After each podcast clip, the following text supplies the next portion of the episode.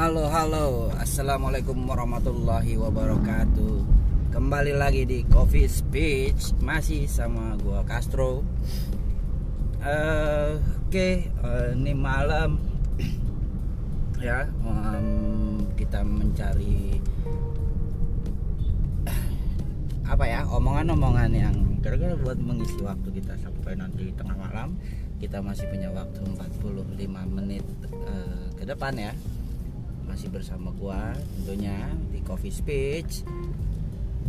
Nah, sekarang gue pengen ngomongin masalah hukum riba. Untuk khususnya ini eh, hukum riba ini hanya ada di ini ya, hukum riba ini hanya ada di eh, agama Islam. Jadi keyakinan gua, makanya gua mau ngomongin ini. Eh, gua nggak tahu ini ada di hukum agama yang lain atau tidak. Tapi intinya adalah di sini tidak tidak untuk uh, tidak untuk menjudge agama lain tapi ini adalah murni murni uh, gua mau sharing pengetahuan tentang yang dimaksud riba yang bagaimana riba itu bisa diterapkan di dunia kita di dunia yang fana ini gitu kan seiring berjalannya kita hidup. Dan bagaimana cara menerapkannya atau bagaimana cara kita memilih yang mana riba yang bukan riba supaya tidak ada uh, apa ya dibilangnya ya uh, embel-embelnya. Karena di sini nantinya akan ada terjadi dua di antara si ya mohon maaf uh, tapi sebagai gue yang menganut keyakinan paham uh, Islam agama Islam. Tapi juga bukan berarti orang-orang uh, lain yang mungkin mempunyai keimanan yang sama-sama gua uh, mereka tidak memahami arti riba. Tapi tidak menjalankan riba. Tidak memahami riba hanya tahu riba itu dilarang. Jenisnya seperti apa tapi juga tidak menjalaninya gitu loh. Jadi gimana ya dalam artian? Tidak tahu tapi tidak uh, tapi karena dibilang tidak boleh jadi tidak jalan kan gitu. Ya Tapi sebelumnya gue mau informasiin bahwa uh, kini Castro punya IG lu semua bisa pada join dan follow IG Coffee Speech ya. Di situ ada ya seperti biasalah uh, medsos ya. Apa sih isinya di dalamnya? Tapi uh, lu juga bisa dapetin semua atribut atau apa ya atau ya merchandiser lah dari Coffee Speech buat lu pada uh, para para penggila Coffee Speech. Di sini lu bisa dapat ada zipper, hoodie, kaos dan lain-lain sebagainya dengan harga yang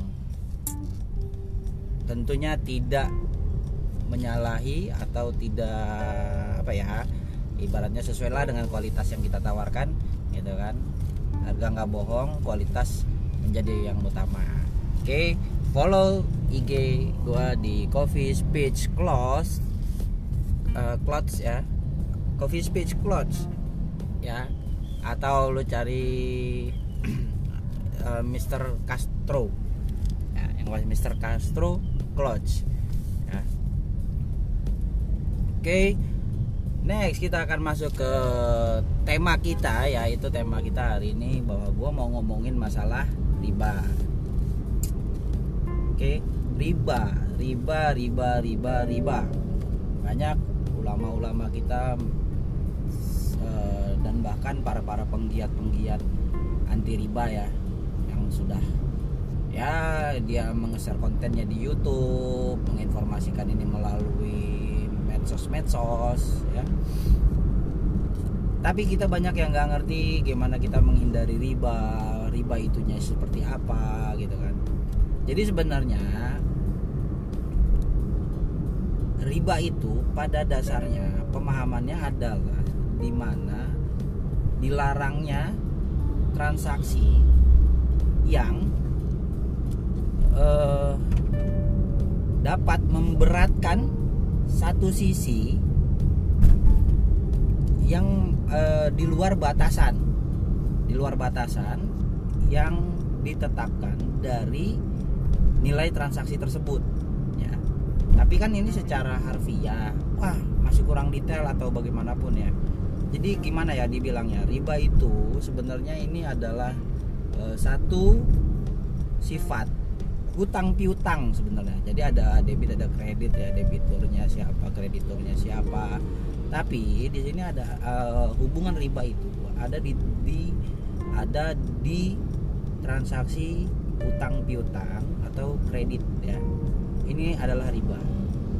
Tapi bukan kreditnya itu yang riba bukan. Yang gimana sih yang dibilang riba? Bukan utang utang piutangnya bukan ketang utang lalu dibayar atau kita mau ngutang itu riba. Enggak. Utang dibolehkan. Utang piutang diperbolehkan di dalam Islam. Sangat sangat diperbolehkan. Tapi yang dilarang itu adalah jika terjadi transaksi hutang piutang di mana akan merugikan sebelah pihak. Pihak mana pun ya yang meminjamkan atau yang dipinjamkan maka itu adalah riba intinya gitu jadi intinya adalah transaksi hutang piutang di mana salah satu sisinya akan e, diberatkan ya akan diberatkan itu bahasa halusnya sih kalau buat gua gua bilang e, riba itu adalah usaha mencekik leher seseorang di dalam kondisi hidup secara pelan-pelan gitu loh. Itu bahasa gua. Nah,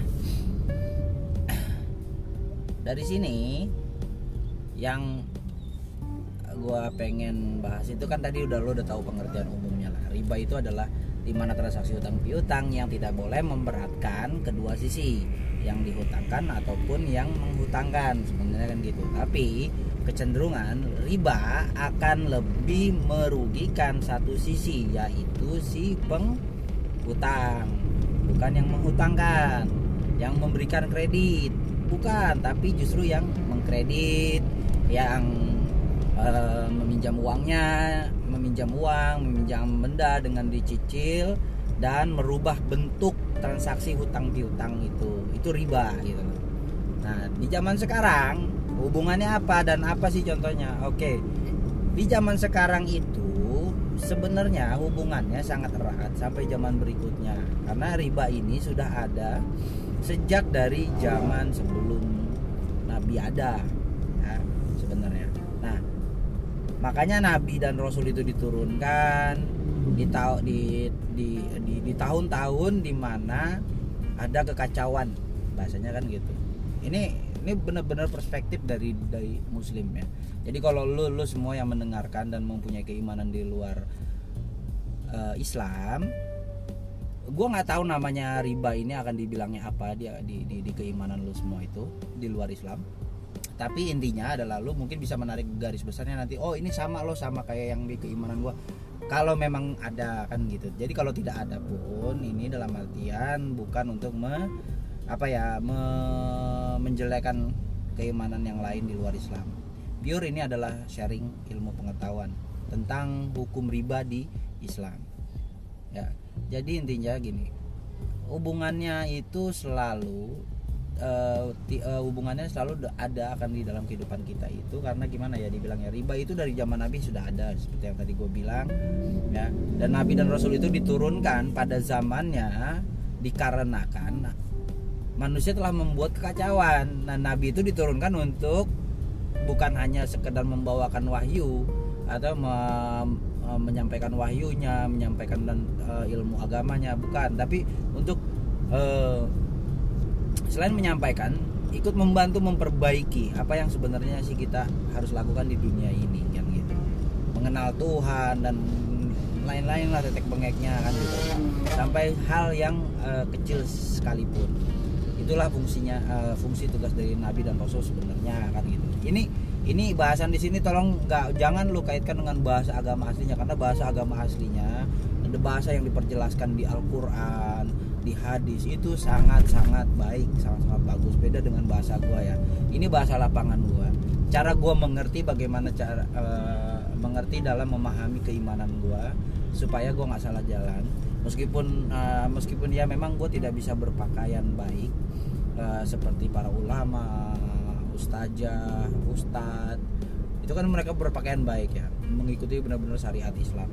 Untuk sementara ini ya mungkin gue cuma masih bisa ya apa tuh namanya menutupi aurat gue lah intinya gitu. Ya. Nah eh, riba tadi yang ada di dunia ini dari waktu ke waktu dari masa ke masa itu semakin semakin semakin bermacam-macam. Tapi eh, dengan sangat jelas di dalam Islam itu riba ada uh, riba disebutkan dengan sangat jelas bahwa di mana ada transaksi utang piutang yang akan memberatkan si penghutang gitu loh. Jadi apa pun yang dikatakan dengan cara kita bertransaksi hutang di dalamnya harus tidak mengandung riba. Harus tidak wajib mengandung tidak mengandung. Harus tidak mengandung riba. Dan harusnya ini dalam kata wajibnya ya. Wajib sangat-sangat wajib tidak mengandung riba. Gitu. Nah uh, dulu dulu riba itu terjadi bukan uh, pada jual beli.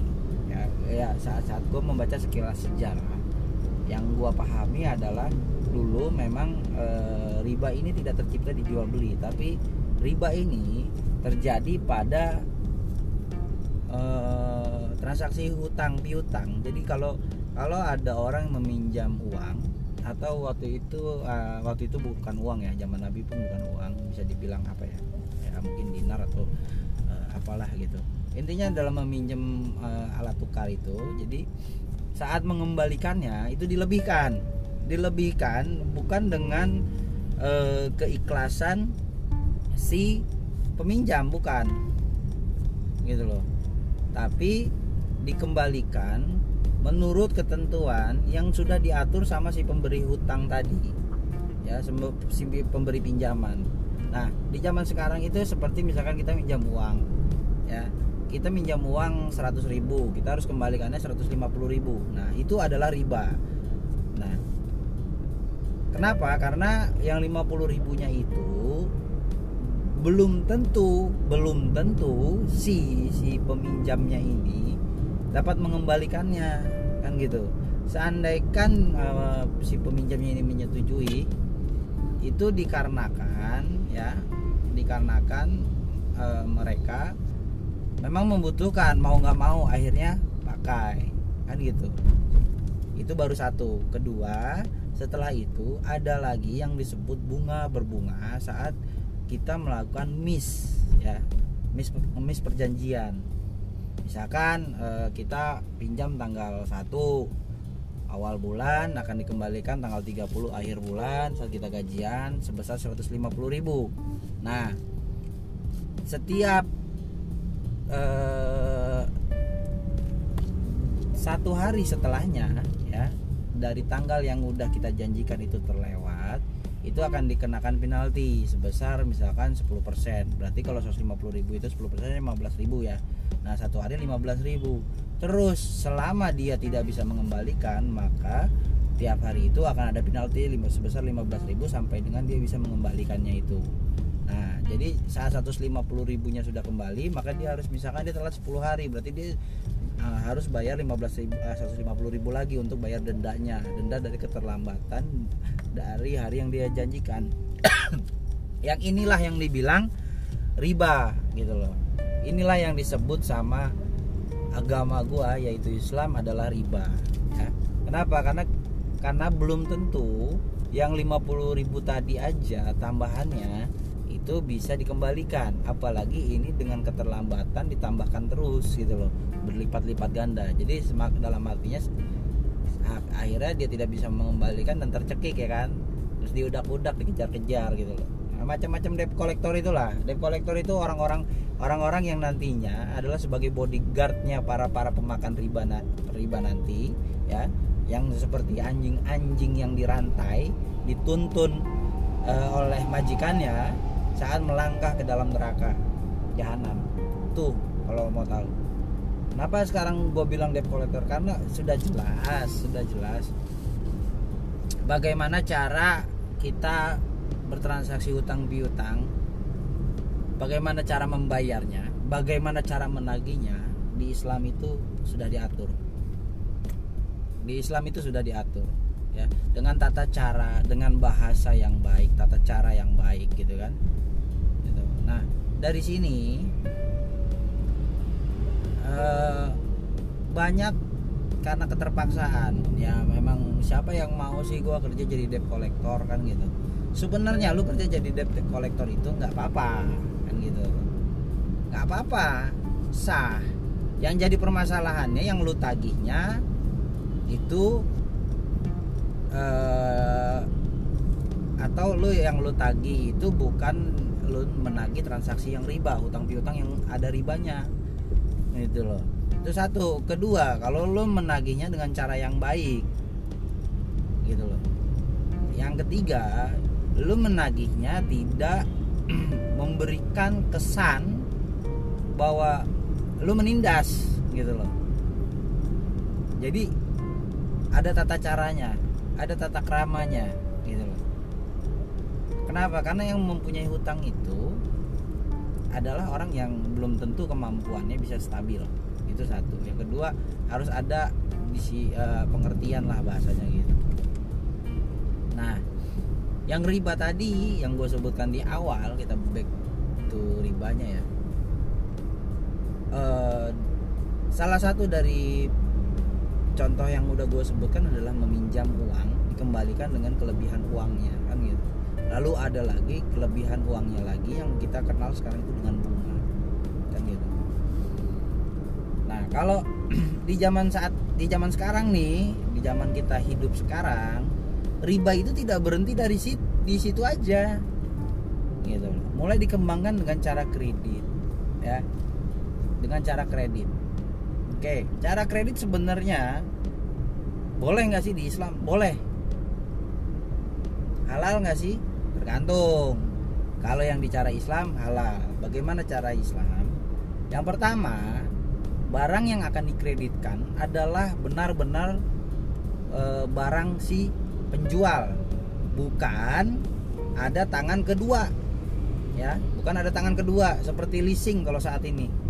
Gitu, seperti leasing itu satu oke nah yang kedua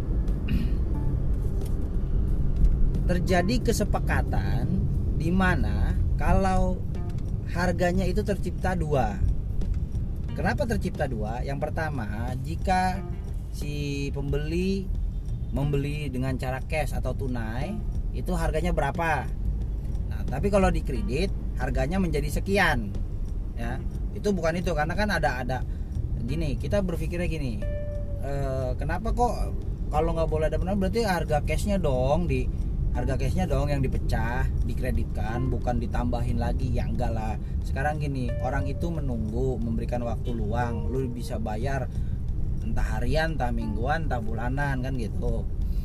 Nah, dari situ mereka juga butuh butuh apa? Butuh yang ngambilin. Ya kalau mereka jalan sendiri mereka butuh ongkos untuk ngambil. Mereka butuh ini. Masa lu mau bayar tapi dia rugi? Ya kan sama riba kalau lu mau bayar dengan harga cashnya tapi si penjualnya rugi ya kan? Itu sama riba gitu loh. Kenapa? Karena ada salah satu sisi yang eh, dirugikan. Tapi kalau lu dengan secara kredit Oke, harga kreditnya berapa? Oke, contohnya begini, misalkan uh, kalau cash lu beli 500 ribu dengan harga 500 ribu, tapi kalau kredit lu bayar tiga bulan ke depan, lu beli dengan harga 650 ribu, ya. 500 ribu berarti kelebihannya 150 ribu, 50 ribu itu kelebihannya buat ongkosnya dia saat mau ngambil ke lu pulang pergi, ya kan? Gitu loh. Buat tadi makan di jalan tak apa kebutuhan tapi intinya 50 ribu itu adminnya lah bahasanya kan begitu. Bahasa untuk ini. Dan dia akan dapat tetap untung yang sama dari harga penjualan gitu loh. Ya kan nah kalau yang sekarang kan kredit kredit ya mereka menggunakan karyawannya tadi debt kolektor gitu. Ada kolektornya ada surveyornya gitu untuk yang survei dan teknik segala macam itu kan leasing. Tapi kenapa gue bilang tidak ada pihak kedua ya seperti leasing? Kesalahannya adalah di sini gini. Pengusaha pengusaha showroom di Indonesia ini mereka mungkin punya modal ya mereka punya modal. Kalau dulu mungkin membeli mobilnya dia misalkan showroom mobil. Showroom mobil di mobilnya itu ada 10 mobil. 10 mobil itu mungkin udah dibayar tunai. Ya. Jadi kalau dulu harus dimiliki dulu mobilnya itu sama si penjual dibeli cash tunai. Misalkan harganya eh, sepuluh ribu. Ya udah mobil itu satu, satu unitnya sepuluh ribu udah dibayar tunai sepuluh ribu. Terus dia jual dengan harga 15.000 ribu kan gitu. Kalau dibeli cash. Kalau dibeli kredit maka dia jual dengan harga 20.000 nah si pembeli menemui si penjual dengan eh, tadi apa namanya eh, perjanjian transaksi yang seperti tadi gitu loh. Jadi di sini tidak ada peran leasing jika mau ada peran leasing kayak yang saat ini ya harusnya harusnya ini mohon maaf. Satu oke pertama kita harus ketemu pihak leasingnya dulu. Pihak leasingnya ketemu pihak leasingnya lo mau mobil apa? Gue mau mobil A. Oke. Kita datang ke showroom. Ya kan? Ke showroom tunjuk mobilnya yang A yang mana? Yang ini.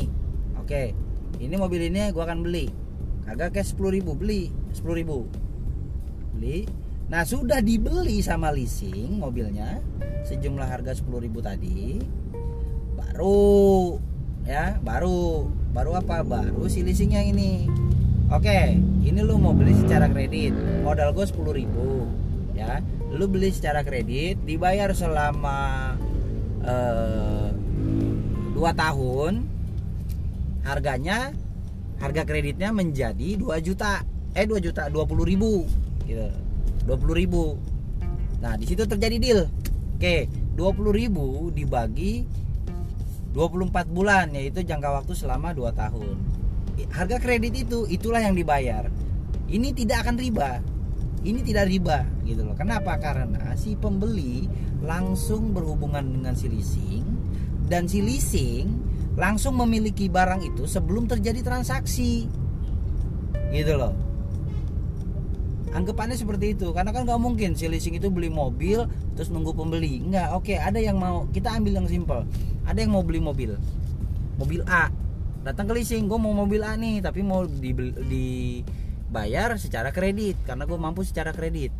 Oke nggak masalah. Nah si leasing itu langsung uh, berbarengan dengan si pembelinya mana barang yang mau dibeli? Oh ini loh barangnya. Oke mobil A ini gue beli. Harga berapa guysnya? 10 ribu. Oke dibayar 10 ribu lunas. Lunas berarti itu mobil sudah miliknya leasing.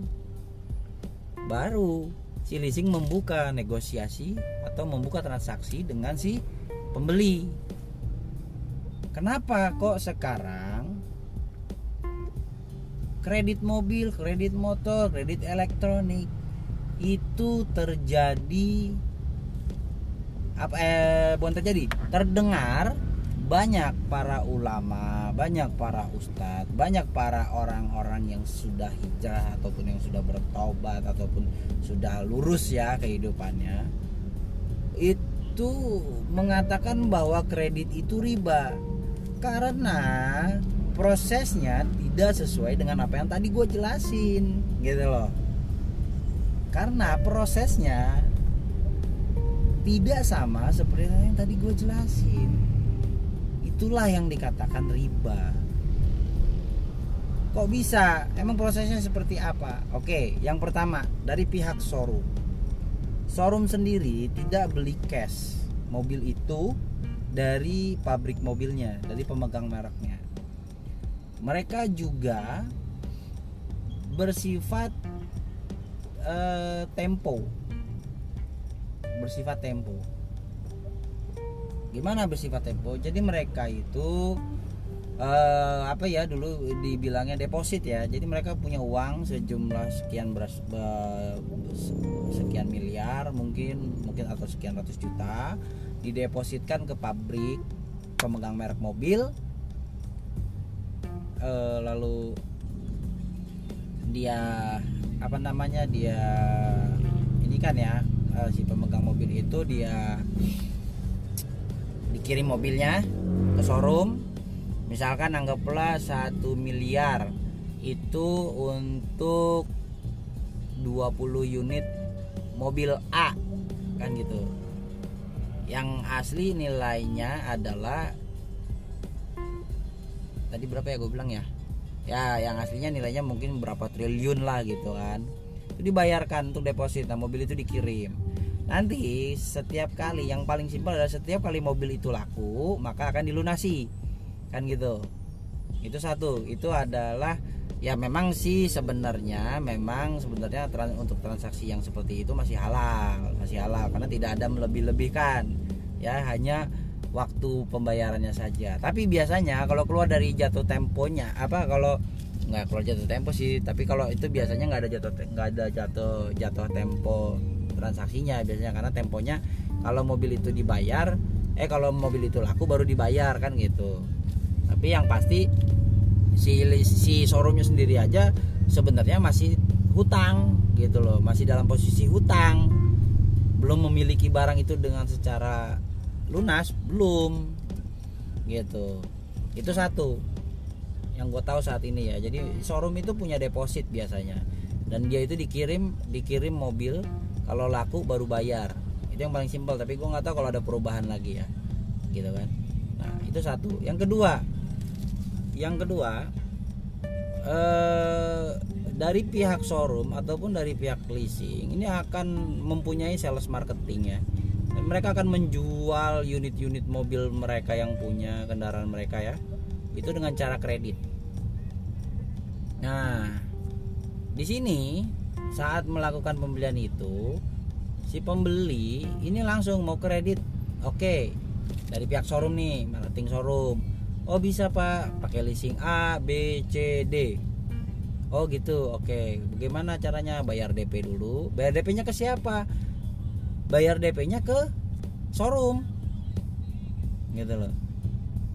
Atau bayar DP nya ke marketing leasing. Yang pertama.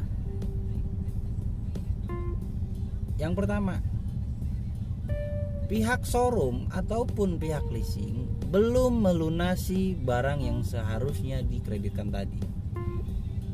Jadi kalau sudah bayar DP, kalau misalkan oke okay, mau uh, dia bayar DP ke showroom ataupun ke leasing dia bayar DP, habis itu pihak leasing akan survei. Ya, akan survei. Akan survei. Kalau di ACC oke okay, di ACC mobil turun besok atau lusa kan gitu. Di ACC nah ini dia tinggal ke showroom. Showroom bilang di, di, showroom bilang mobil tolong dikirimkan ke si pembeli dikirim ke pembeli. Oke. Dokumennya untuk surat-surat itu showroom yang urus setahu gua. Tapi untuk kontraknya leasing yang urus. Yang jadi permasalahannya di sini memang simpel ya. Nggak ada nggak ada masalah tuh seperti itu. Iya tapi yang jadi permasalahan adalah posisi mobil yang lu pakai yang lu mau kreditkan itu sudah sampai di tangan lu dengan DP DP yang dibayarkan entah ke showroom entah ke leasing. Meski lu kasih ke leasing berarti dibayar leasing dong? Oh belum tentu. Nggak tahu dibayarnya ke showroom ke leasing dilanjutkan ke showroom atau tidak. Lu dibayar ke showroom oh iya showroom. Leasingnya dilanjutkan ke leasing atau tidak? Karena si si pemberi hutang kan leasing bukan showroom. Gitu loh. Dari situ ya itu udah udah nggak benar. Gitu loh. Dari situ mobil yang dikirim ke rumah kita atau di rumah ke rumah si pembeli ya itu belum dibayar lunas sama si leasing. Harusnya dibayar lunas dulu baru leasing men, uh, melakukan survei menerima menerima DP melakukan survei gitu loh. Harusnya. Itu itu letak kegagalan transaksi makanya makanya dikatakan riba. Itulah letak awal kegagalan transaksi. Kredit mobil motor atau atau barang-barang elektronik lain lah sebenarnya itu salah itu awal dari kegagalan transaksi kredit jual beli dikatakan riba ya. Jadi pihak leasingnya sendiri belum membayar lunas. Gitu loh. Pihak leasing baru akan membayar lunas 14 hari minimum 14 hari setelah mobil itu diterima si pembeli oh pasti ada yang berteriak ah itu kan tempo sama aja showroom juga ini. Gue kasih tahu kondisinya kalau tempo berarti lu masih ngutang kan gitu. Si showroom aja masih ngutang ke pabrik mobil ini dia sudah hutangkan lagi ke leasing. Gitu loh.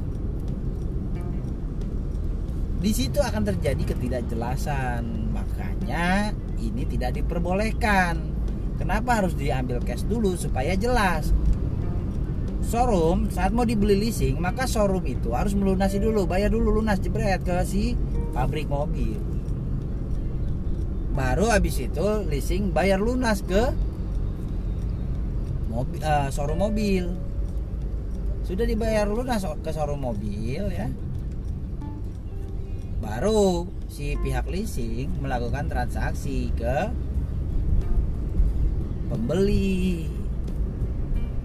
Itu satu kasus kegagalan pada transaksi kredit saat ini. Ya simpel kan? Oke yang kedua kasus kegagalannya ada di letak eh, apa namanya ada di letak jatuh tempo. Nah saat jatuh tempo ya saat jatuh tempo dan ternyata kita miss untuk bayar tagihannya perharinya kita akan dikenakan penalti. 0, sekian persen per hari ya per hari. Inilah yang menyebabkan kredit kendaraan atau kredit apa pun menjadi riba gitu loh. Kondisinya menjadi riba karena ini. Gimana caranya supaya tidak menjadi riba? Ya hilangkan denda tadi gitu loh. Itu. Itu adalah riba. Makanya konsekuensinya saat kita mau kredit kita harus punya komitmen ya. Kita harus punya komitmen supaya si pemberi kredit tadi tidak menerapkan apa yang sebenarnya tidak sesuai kan gitu. Jadi ya gue bilang tadi kita harus uh, punya punya komitmen saat bisa bayar. Nah kebanyakan kenapa sih sistem ini berlaku sebenarnya? Dulu awal-awalnya banyak yang kabur. Itu satu.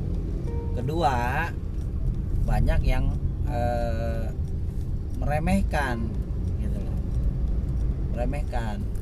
Nah tapi intinya adalah sebenarnya bahwa uh, nilai transaksi kredit seperti ini ya ini tidak bisa tidak baik ya.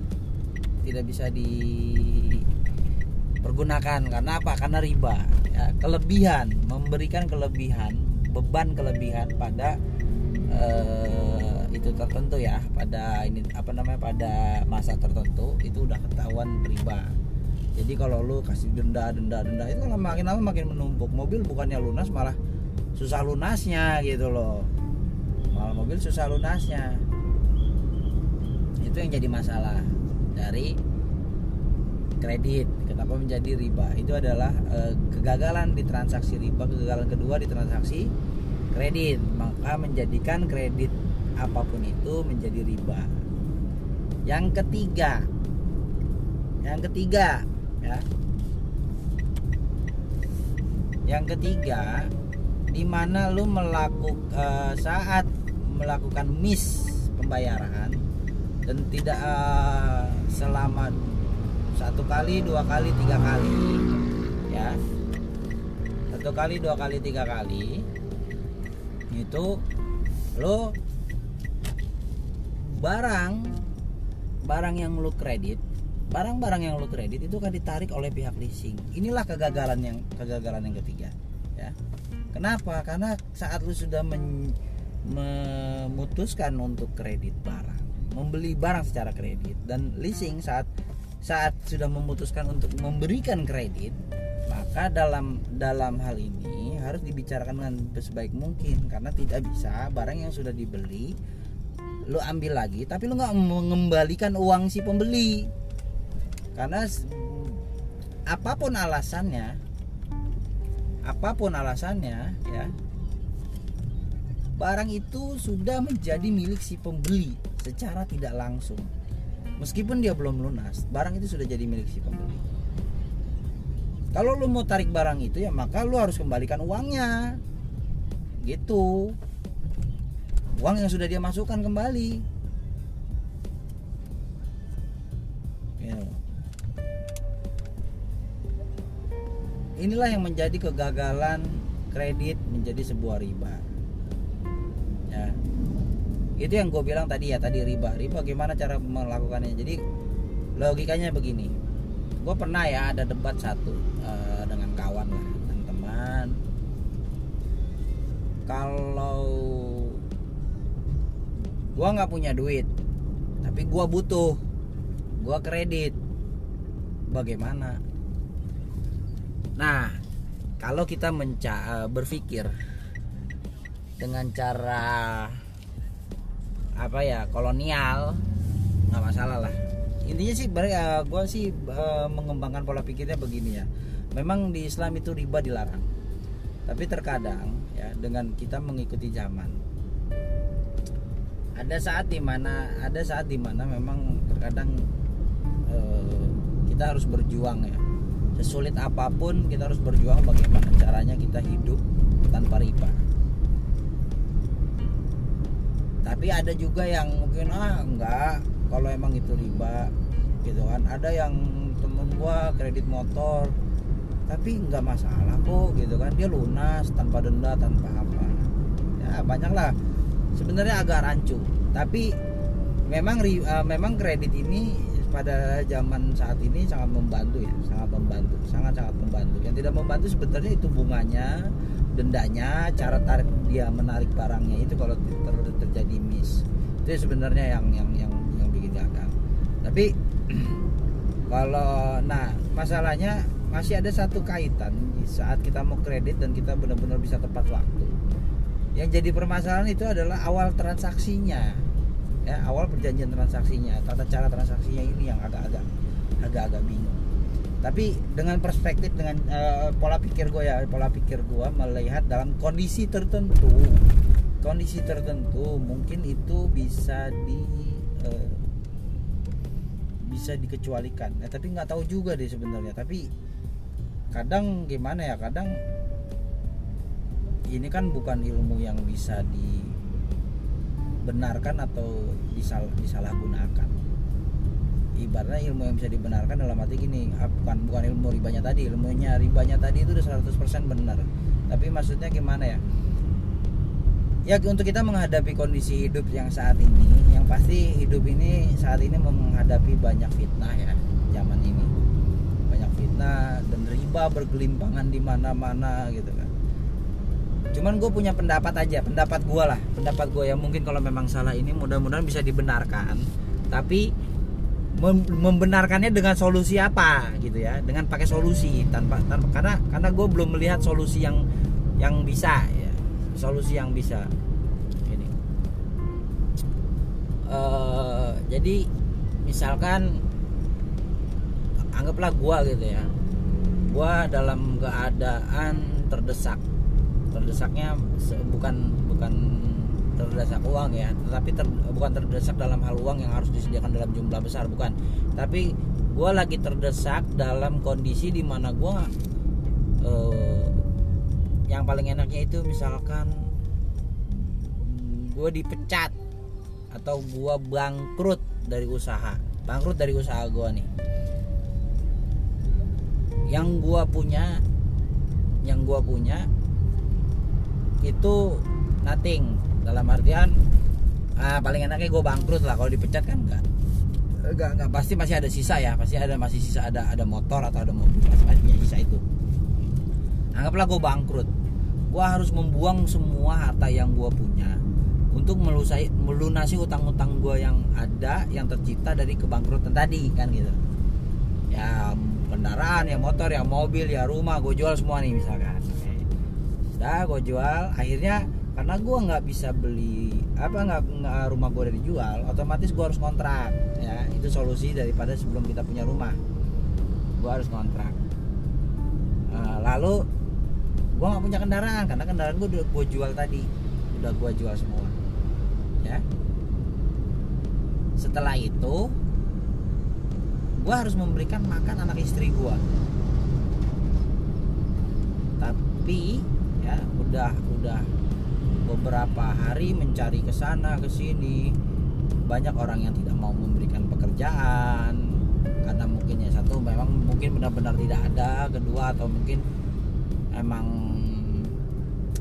belum rezekinya gitu kan kerja itu. Dapat kerjaan seperti apa gitu kan atau belum ketemu rezekinya dapat kerjaan seperti apa. Oke. Lalu kita anggapnya yang paling gampang sekarang gue ketemu. Kebetulan saat era ini kan ada ojol nih ya kan? Ojek online. Nah kondisi di sini gue menemukan kondisi ini tapi gue nggak punya motor. Itu. Gimana? Ya sudah tapi gue punya uang nih punya uang untuk sekedar DP berarti bisa kredit kan? Nah dari situ oke okay lah gue kredit. Aduh tapi gimana sistem perjanjiannya? Gimana nih? Karena menurut orang-orang riba kan begitu pasti berpikirnya. Kalau gue simpel ya. Untuk buka usaha dagang ataupun mencari pekerjaan di tempat lain sekalipun itu menjadi tukang cuci piring kita tidak menemukan itu. Tapi kita masih megang uang DP lah. Anggaplah ya uang DP ini kita punya uang megang 900 ribu. Ya. Kita megang uang 900 ribu ada DP motor 500 ribu dan kita bisa besoknya bisa ngojek. Maka keputusan gue yang gue ambil dengan cara pandang gue adalah oke okay, gue tahu ini riba. Di transaksi awal riba tapi mudah-mudahan Allah maafkan gue dan gitu gue akan ambil kredit ini dan gue akan berusaha semaksimal mungkin saat jatuh temponya tadi itu gue perkecil. Jangan sampai terjadi denda.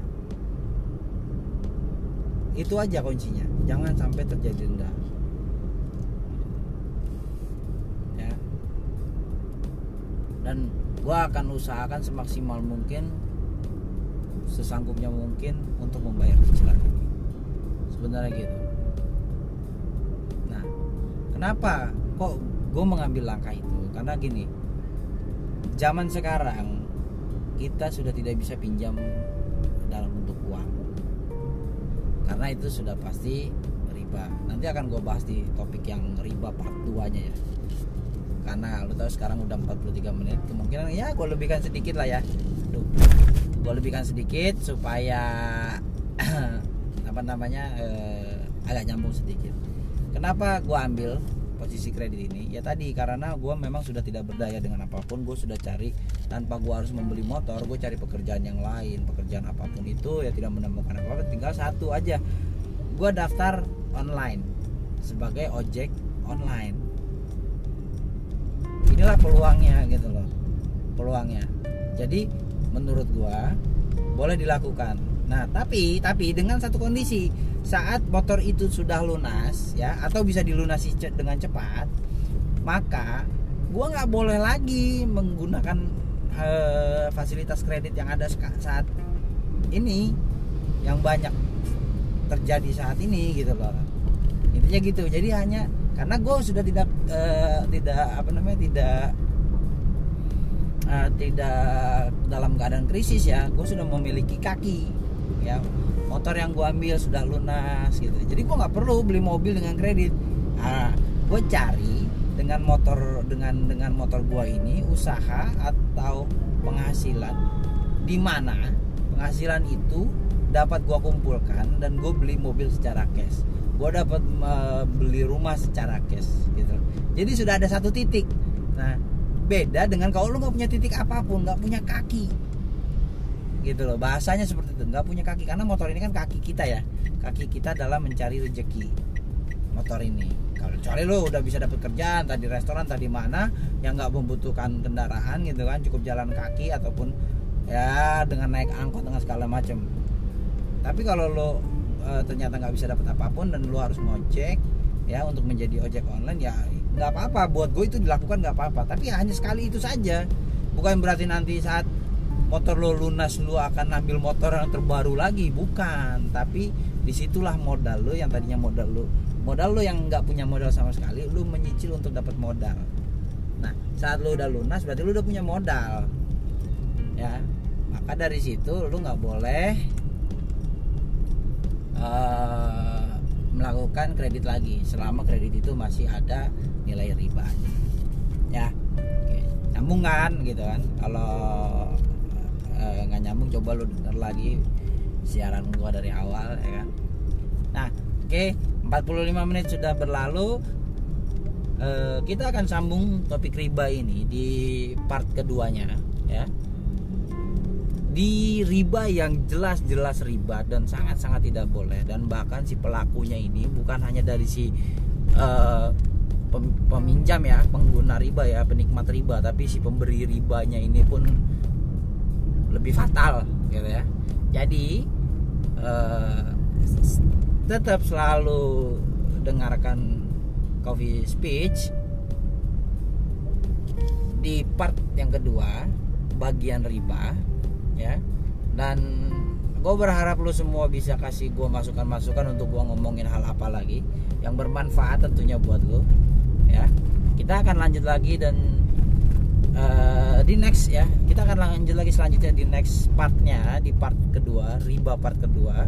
Jadi tetap terus pantau coffee speech dengan gue Castro. Assalamualaikum warahmatullahi wabarakatuh